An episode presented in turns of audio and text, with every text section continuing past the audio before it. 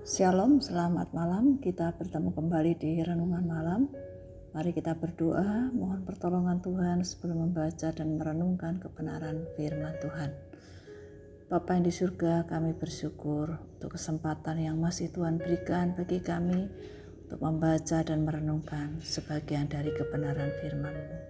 Mari Tuhan menolong kami agar kami dapat memahami dengan benar apa yang Tuhan mau kami pahami dan mengerti apa yang Tuhan mau mengerti, serta melakukan apa yang Tuhan mau lakukan dalam kehidupan kami sebagai orang-orang percaya di tengah-tengah dunia ini.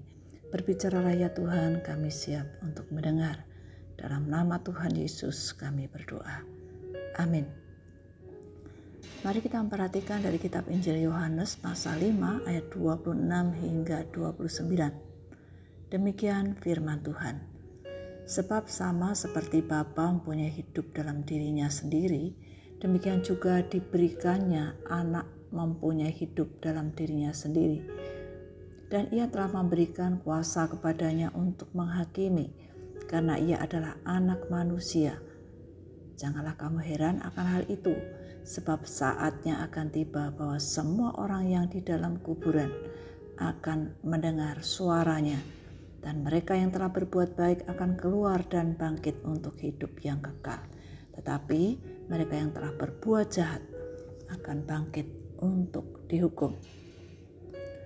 Sebab sama seperti Bapa mempunyai hidup di dalam dirinya.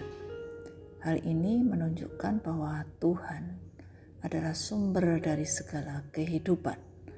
Ia telah memberikan kuasa kepada Tuhan Yesus sebagai perantara untuk menghakimi dunia dan membangkitkan semua orang mati. Kristus memiliki hidup di dalam dirinya dan kuasa untuk memberikan hidup. Kebangkitan dari kematian dosa menuju kehidupan kebenaran oleh kuasa kasih karunia Allah. Dikatakan bahwa saatnya akan tiba, semua orang yang berada dalam pekuburan akan mendengar suaranya dalam hal ini, Yesus sedang berbicara tentang apa yang akan dilakukan pada manusia yang mati dalam iman. Mereka akan dibangkitkan untuk menerima janji, memperoleh hidup kekal, sedang mereka yang tidak percaya, yang telah melakukan kejahatan akan dibangkitkan menuju penghukuman. Jalan manakah pilihan kita? Menuju kehidupan kekal atau penghukuman. Kehidupan di dunia ini hanyalah sementara. Manusia akan mengalami kematian, dibangkitkan untuk menuju pada kehidupan bagi mereka yang percaya pada Yesus. Yesus sendiri telah memberikan kehidupan, membangkitkan orang mati, dan akan menghakimi semua orang marilah kita menyadari bahwa hidup di bumi ini merupakan persiapan untuk menerima kehidupan kekal. Oleh sebab itu, marilah kita juga gunakan kesempatan yang masih Tuhan berikan dengan benar.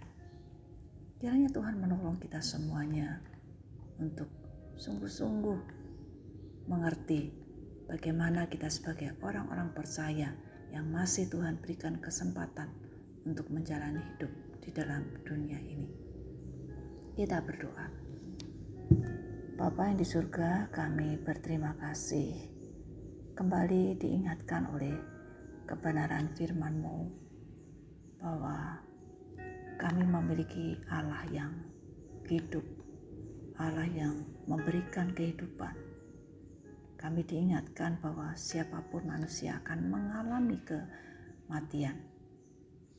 Namun di dalamnya Tuhan, Kau juga akan membangkitkan semua orang mati dan menyiapkan tempat yang sudah Tuhan siapkan bagi siapa yang berhak untuk menerimanya. Terima kasih ya Tuhan untuk janji kebenaran firman-Mu bahwa siapa pun yang telah percaya kepadamu akan memperoleh kehidupan kekal. Mari Tuhan menolong akan saudara kami mereka yang belum pernah mendengar kabar baik, biarlah mereka masih punya kesempatan untuk menerima, untuk mendengar kabar baik. Bagi kami orang-orang yang sudah percaya kepadamu, Tuhan menolong kami tetap setia mengiring Tuhan sampai selama-lamanya.